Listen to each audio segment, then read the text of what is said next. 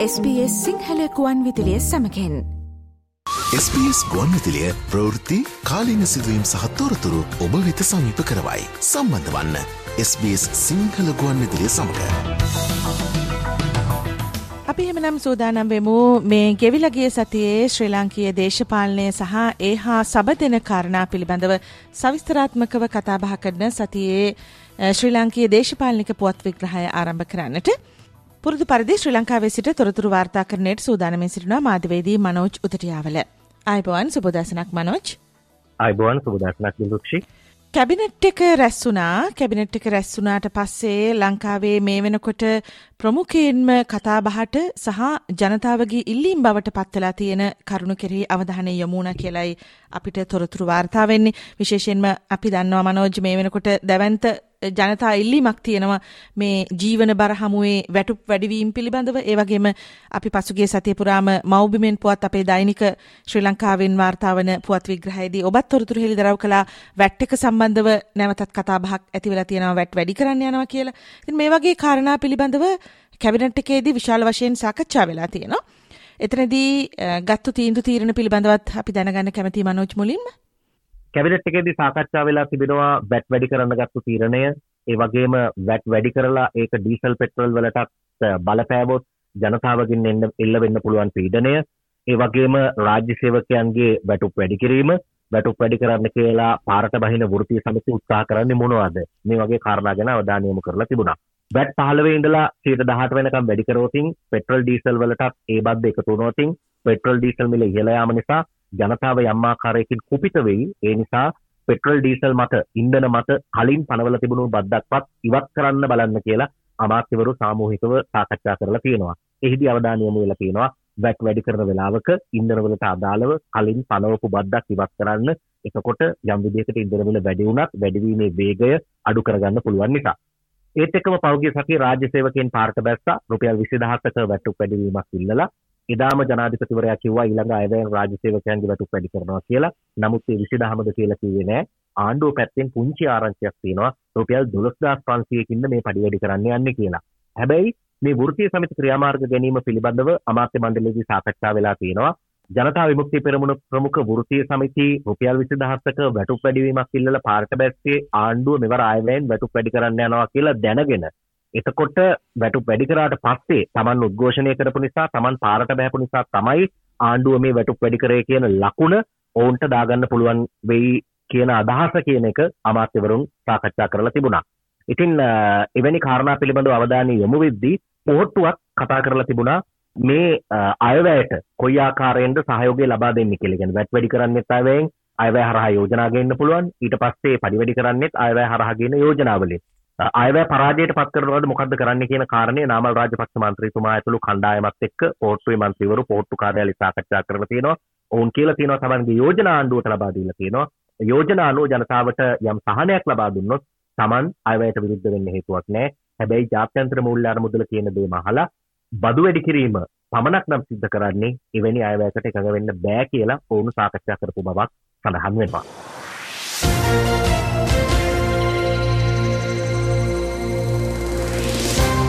ඊළඟට විපක්ෂය කෙරෙහි අවධානය යොමු කරමු. විපක්ෂය පැත්තෙන් අපිට වාර්තා වෙනවා මීළඟ ජනාධිපතිවරණයකදී ජනාධිපති අපේක්ෂකයා විය යුත්තේ සජිත් ප්‍රේමදාස වන වගේට යළිත් තහවුරු කර ගැනීමක් සිදු වුණා කියලා. ඇතැම් අය එතනදී විරුද්ධත්වයක් පාලා තියෙනවා කියලත් තොරතුරු වාර්තා වෙනවා. අපි දන්නවා මනෝජ් අපි මීට කලිනුත් මේ කාරණාව කතා බහ කළා. මීට කලිනුත් මේ ඉදිරි ජනාධිපතිවරණයකදී සමගි ජනබලවේගයේ අපේක්ෂකයා සජිත් ප්‍රේමදාස කියලා සම්මත කරගත්තා. දැන් එතකොට ආයි මේ සාකච්ඡාව ඇවිල්ලා තියෙන්නේ ඇයි? විරෝධතාව දක්වලා තියෙන්නේ කවුද? එහෙමනම් මෙතනදී සමගි ජන බලවේගයේ ප්‍රතිචාරය වෙලා තියෙන්නේ මොනවද? මේවා තමයි අපි දැනගන්න කැමති කාරණා. මොනවද අපිට වාර්තාවන්නේ? සමගි ජන බලවේග පක්ෂයේ ජනාධිපති අපේක්ෂකයා විදිහට සජිත් ප්‍රේමදාස විපක්ෂ නායකවරයාවම ඉදිරිපත් කරන්න පක්ෂයේ කළමනාකරණ කමිටුව තීරණය කළා තියෙනවා. මේ තීරණය සම්බන්ධයෙන් යම් විරෝධයක් පළ කරලා තියෙනවා පක්ෂයේ සභාපති විල් මාර්ෂල් සරත් ෆොන්සේකා මන්ත්‍රීවරයා. සජිත් දිනනවා නම් විතරක් Taman සහයෝගය දෙනවා කියලා තමයි ඔහු කියලා තියෙන්නේ. ඉතින් මේ ගැන පක්ෂයේ කළමනාකරණ කමිටුවේ අවධානය යොමු වෙලා තියෙනවා. Taman ගත්තු තීරණයකට එවැනි ප්‍රතිචාරයක් පක්ෂ සභාපතිවරයා දක්වන්නේ කොහොමද කියලා ඒ අනුව ඒ ගැන කරුණු විමර්ශනය කරන්න ලක්ෂ්මන් කිරියල්ල මන්ත්‍රීවරයාගේ ප්‍රධානත්වයෙන් කමිටුවක් පත් කරලා තියෙනවා. කමිටුවට කරුණු කියන්න අපු ෆිල් මාර්ෂල් සරත් ෆොන්සේක පාර්ලිමේන්තු මන්ත්‍රීවරයා කියලා තියෙනවා සජිත්ට දිනන්න පුළුවන් නම් විතරක් මම උදව් කරනවා කියන කාරණය ඔහු යලිත් කියලා තියෙනවා. කළමනාකරණ කමිටුව කියලා තියෙනවා මේක පක්ෂයේ තීන්දුවක් කියන කාරණය. නමුත් ඔහු කියලා තියෙනවා කළමනාකරණ කමිටුව ඒ තීරණය අරගත්තට පක්ෂයක් කියලා මොනවද ඔවුන් කරන්නේ? විශේෂයෙන්ම සජිත් ප්‍රේමදාස විපක්ෂ නායකවරයා තමන්ට විතරක් ප්‍රචාරක වැඩ පිළිවෙලක් අරගෙන යනවා බඩු බෙද බෙද යනවා. මේ වගේ කාරණා ඔහු මතු කරලා තියෙනවා. කොමුණත් මේ නියෝජිතයින් පක්ෂ නියෝජිතයින් සඳහන් කරලා තියෙනවා. ඒ ගැන පක්ෂ නායකයත් එක්ක එකතු වෙලා කතා කරමු කියන කාරණය. එතනදි සරත් ෆොන්සේක මන්ත්‍රීවරයා කියලා තියෙන්නේ මම සජිත් හම්බුණක් කියන්නේ ওই ටිකම තමයි කියන කාරණය.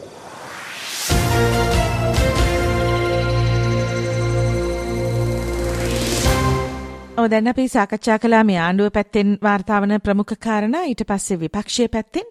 ඊළඟට අපිට ප්‍රමුඛයෙන්ම වාර්තා වෙනවා ශ්‍රී ලංකා නිදහස් පක්ෂය පැත්තෙන් තවත් විශේෂිත ආරංචියක්. චන්ද්‍රිකා කුමාරතුංග යළිත් ශ්‍රී ලංකා නිදහස් පක්ෂයට සම්බන්ධ වෙන්නට කැමැත්තෙන් බලාපොරොත්තු වෙන්න ඉන්නවා කියලා. අපි දන්නවා පසුගිය කාලවකවානුවේදී චන්ද්‍රිකා සහ වර්තමාන ශ්‍රී ලංකා නිදහස් පක්ෂයේ සභාපති මෛත්‍රීපාල සිරිසේන අතර ලොකු ගෂ්ටනයක් තිබුණ.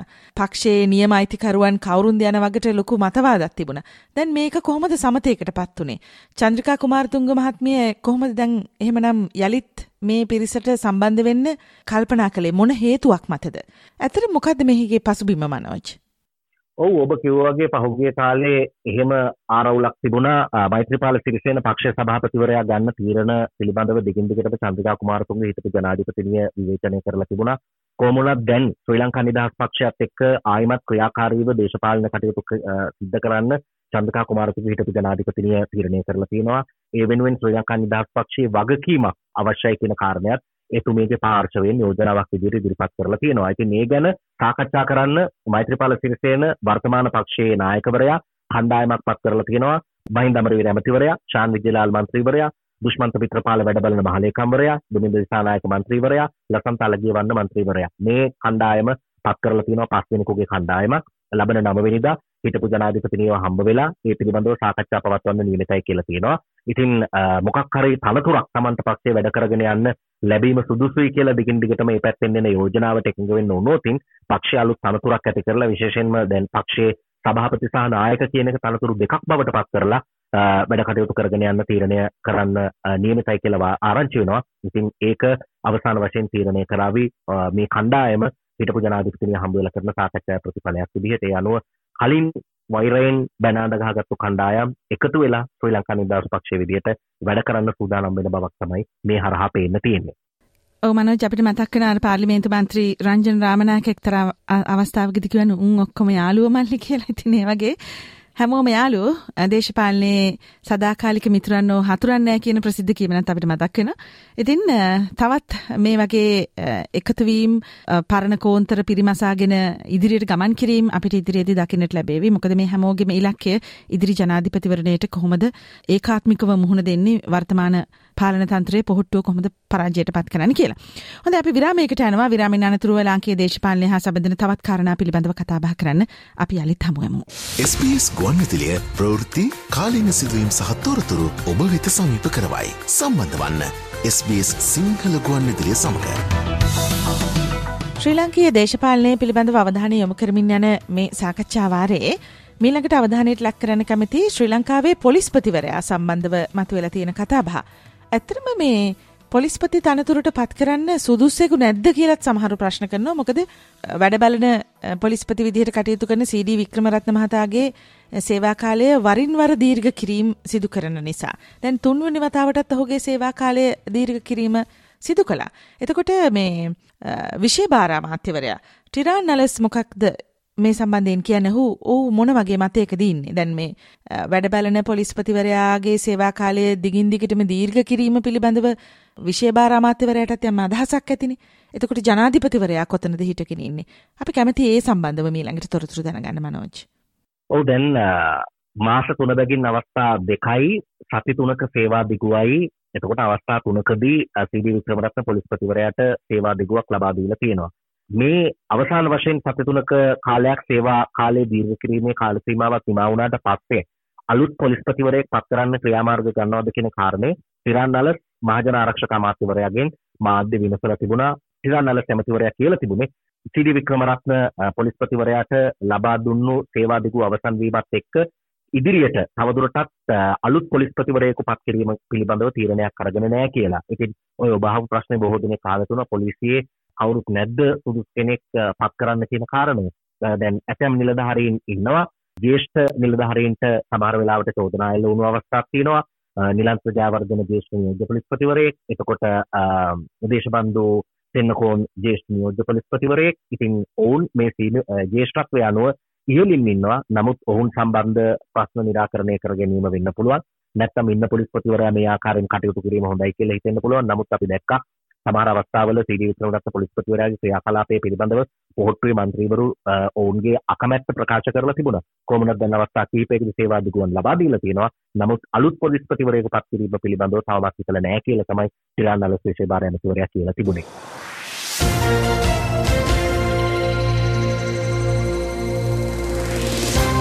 මීළඟට කතාබහ කරන්න කැමති ඒ වගේම වර්තමානයේ මේ සම්බන්ධව තියෙන තොරතුරු ඔබෙන්ගෙන් විමසා දැනගන්න කැමති ශ්‍රී ලංකාවේ ක්‍රිකට් සම්බන්ධව ඇති වෙලා තියෙන මේ දැවැන්ත කතාබහ සම්බන්ධයෙන් එක්දින ලෝක කුසලාන තරඟාවලියේ ඉන්දීය කණ්ඩායම හමුවේ ලද දැවැන්ත සහ ඇත්තටම කියනවනම් ලැජ්ජා සහගත පරාජය හමුවේ ශ්‍රී ලාංකික ක්‍රීඩාලෝලින් විතරක් නෙමේ දේශපාලන ශේත්‍රය පවා උණුසුම් කරන්නට මේ කාරණාව සමත් වෙලා තියෙනවා. ඇතැම් පුද්ගලයන් ඉල්ලා අසුණු බවට මේ වෙනකොට තොරතුරු වාර්තා වෙනවා. ඒ අතරතුරේදී ඇතමුන් කියනවා සමස්ත ක්‍රිකට් පාලක මණ්ඩලයේම ඉල්ලා අස්විය යුතුයි කියලා දැවන්ත ඉල්ලීමක් මේ සම්බන්ධයෙන් උත් තියෙන අතරතුරේදී ක්‍රීඩා අමාත්‍යවරයා මේ සම්බන්ධයෙන් කියන්නේ මොකක්ද?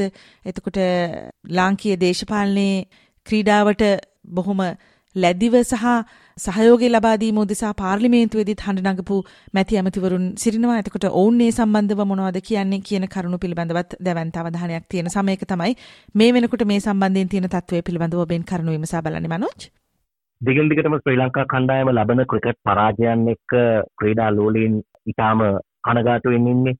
ක්‍රිකට් පරිපාලනයට චෝදනා එල්ල වුණා. අමාත්‍යවරයා එක පැත්තකින් ක්‍රිකට් පාලක මණ්ඩලයට ඇගිල්ල දික් කරා. අනෙක් පැත්තෙන් ක්‍රිකට් පාලක මණ්ඩලය අමාත්‍යවරයට ඇඟිල්ල දික් කරා දේශපාලන ඇඟිලි ගැහිම් තියනවා කියලා තේරීම් කමිටුව ගන්න තීරණ පිළිබඳ විවේචන තිබුණා මේ ඔක්කොමත් එක්ක දැන් ලෝක කුසලානේ ඉලක්ක කරලා වැඩපිළිවෙල සකස් කළත් දැන් මේ වෙනකොටත් තරඟ දෙකක් පමණයි ශ්‍රී ලංකා කණ්ඩායම ජයග්‍රහණය කරලා තියෙන්නේ. ඉතින් ඔය අතරේ ශ්‍රී ලංකා ක්‍රිකට් සභාපති ශම්මි සිල්වා රයිල් වික්‍රමසිංහ ජනාධිපතිවරයාට ලිපියක් යොමු කරලා තියෙනවා ක්‍රීඩා අමාත්‍යාංශයේ බලපෑම් වලින් ක්‍රිකට් ආයතනයේ දිනදා කටයුතු පවත්වාගෙන යන්නේක යම් අභියෝගාත්මක කාරණයක් වෙලා තියෙනවා. ඒ සම්බන්ධයෙන් උපදෙස් ලබා ගන්න ජාත්‍යන්තර ක්‍රිකට් සම්මේලනය දැනුවත් කරන්න ජනාධිපතිවරයා හම්බ වෙන්න තමන්ට අවශ්‍යයි කියන කාරණේ ක්‍රිකට් පාලක මණ්ඩලය දැනුම් දීලා තියෙනවා.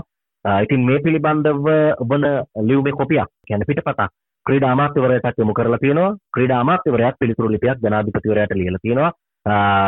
ක්‍රිකට් බලධාරීන්ට එල්ල වෙන බරපතල වංචා සහ දූෂණ චෝදනා අනුව මේ ක්‍රීඩා බලධාරින් ඉල්ලා අස්වෙන්න ඕන කියනක සහ එහෙම ඉල්ලා අස්වෙන්න සමාජයේ පීඩනයක් කෙල්ල වෙමින් පවතිනවා කියන කාරණය අමාත්‍යවරයා ජනාධිපතිවරයාට අවපු ලිපියේ සඳහන් වෙලා තියෙනවා. ඒ අතරේ ශ්‍රී ලංකා ක්‍රිකට් ආයතනයේ ලේකම්වරයා විදිහට කටයුතු කරපු මොහන්ද සිල්වා තමන්ගේ අස්වීමේ ලිපිය ශ්‍රී ලංකා ක්‍රිකට් විධායක කමිටුවට ලබා දෙන්න තීරණය කරලා තියෙනවා කියලා වාර්තා වෙනවා. ඉතින් ඒ අනුව අපි දැක්ක කාලයක් තිස්සේ සැලසුම් කරේ ලෝක කුසලානේ දිනන්න නමුත් පිට පිට ලබන්නේ පරාජයන් ජේෂ්ඨ ක්‍රීඩකයන් අතහැරීම මගහැරීම වගේ කාරණා වලට එහිදී ඇඟිල්ල දිගුණා. ඉතින් කොහොමුණත් අපි දැක්කා නාමල් රාජපක්ෂ හිටපු ක්‍රීඩා අමාත්‍යවරයාත් සඳහන් කරලා තියෙනවා ක්‍රිකට් පරිපාලනයයි පාලක මණ්ඩලයයි. ඒ කියන්නේ දේශපාලනය සහ ක්‍රිකට් පාලක මණ්ඩලය දිගින් දිගට දෙපැත්තට ඇඟිල්ල දිගු කර ගැනීම නිසා යම් විදිහකට මේ තත්වයට මුහුණ දෙන්න සිද්ධ වුණා ක්‍රීඩකයන්ගේ ක්‍රීඩා ශෛලිය හෝ දක්ෂතාවල අඩුපාඩුවක් නැහැ. නමුත් මේ මැදිහත්වීම් වල බලපෑම්වල ප්‍රතිඵලයක් විදිහට ක්‍රිකට් මේ තත්වයට පත් වුණා කියන කාරණය ඔවුනුත් මතු කරලා තිබුණා. කොමුණත් දැන් ජනාධිපතිවරයා හමු වෙන්න ක්‍රිකට් පාලක මණ්ඩලයේ ඉල්ලලා තියෙනවා. ක්‍රීඩා අමාත්‍යවරයාත් ඒ පිළිබඳව ජනාධිපතිවරයාට ලිඛිතව දන්වලා තියෙනවා.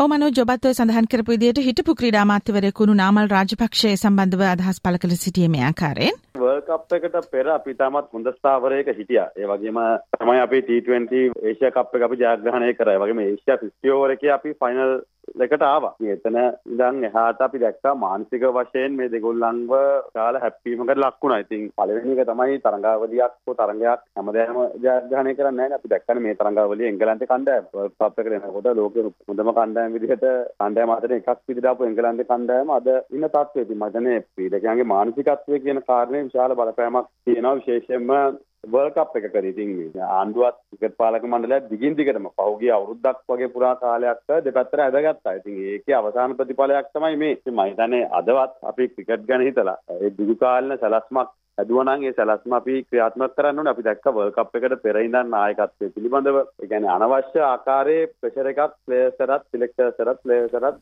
දාන්න උත්සාහ කෙරුවා. ඉතින් මම හිතන්නේ ඒවයේ ප්‍රතිඵල තමයි අද අපි දකින්නේ. ඕ මේ සම්බන්ධව විශාල අදහස් මතවාද අපි දකිනවා සමාජ මාධ්‍ය හරහා SLC Sri Lanka cricket go home කියලා හැෂ්ටෑග් එකකුත් මේ දවස්වල ජනප්‍රියත්වයට පත්වෙමින් තියෙනවා.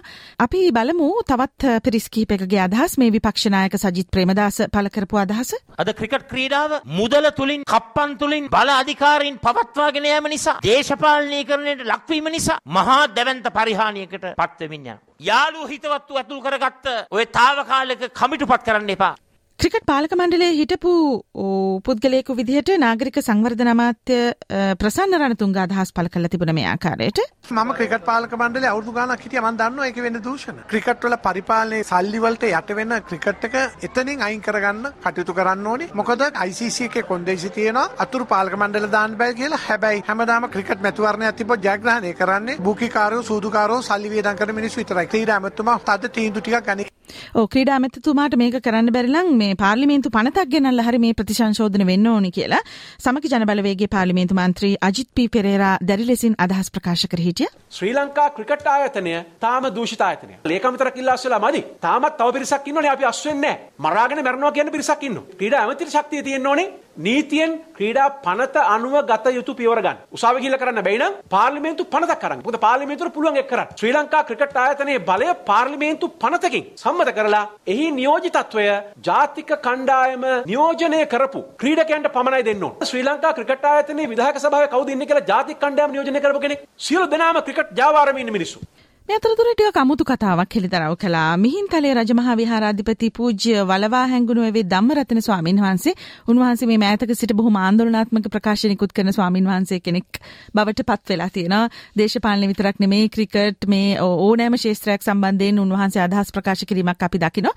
දැන් උන්වහන්සේ කියනවා මේ වෙනත් රහසිගත කුමන්ත්‍රණයක් ක්‍රියාත්මක වෙමින් තියෙනවා ක්‍රීඩකයන්ට තර්ජනය එල්ල වෙනවා කියලා. විශ්වාසවන්ත ආරංචි මාර්ගයෙන් අපිට දැනුම් දීම් කරලා තියෙනවා. හාඳුරුනේ අපිට ක්‍රිකට් පරදින්න කියලා තියෙනවා. ඉතින් ඒක පැහැදිලිනේ. ඕවර් 50ට ලකුණු 50ක් ගන්න බෑ. මේ වෙනකොට ක්‍රිකට් ක්‍රීඩකයන්ගේ ජීවිත අනතුරේ තියෙනවා. මොකද ඒ අයට තර්ජනය කරලා මේ විදිහට කරපල්ලා කියලා ක්‍රිකට් බෝඩ් එක පාලන තන්ත්‍රය ඔවුන්ට තර්ජනය කරලා තිනවා.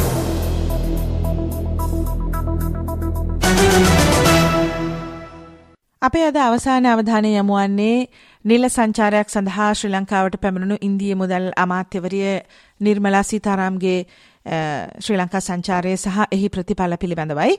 පසුගිය සතියේ මෞබිමෙන් පුවත් විශේෂාංගයෙන් අපි මේ සම්බන්ධව තොරතුරු ඉදිරිපත් කළා.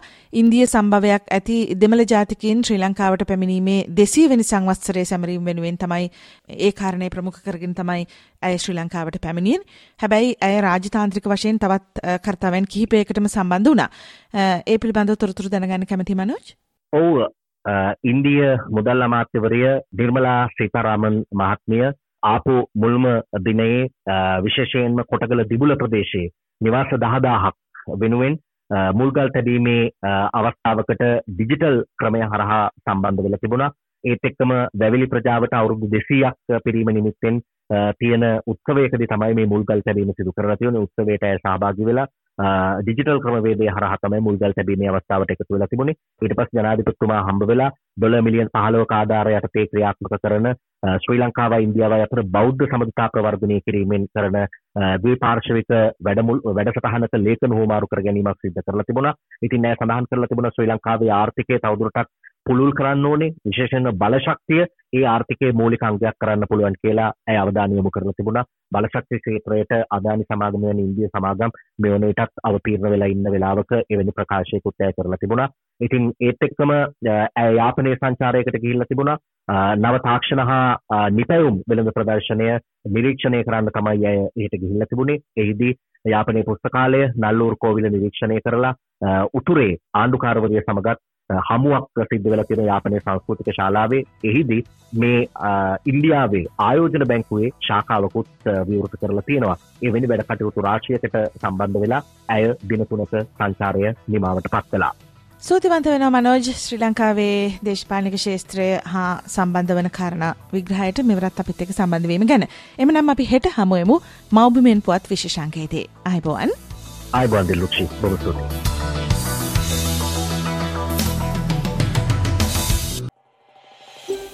මේ වගේ තවත්තොරතුරු දැනගන්න කැමතිද. එහමනම් Apple podcast Google podcast Spotify ඔබගේ පොඩ්කාස්ට ලබාගන්න ඕනෑම මාතයකින් අපට සවන්දය හැකේ.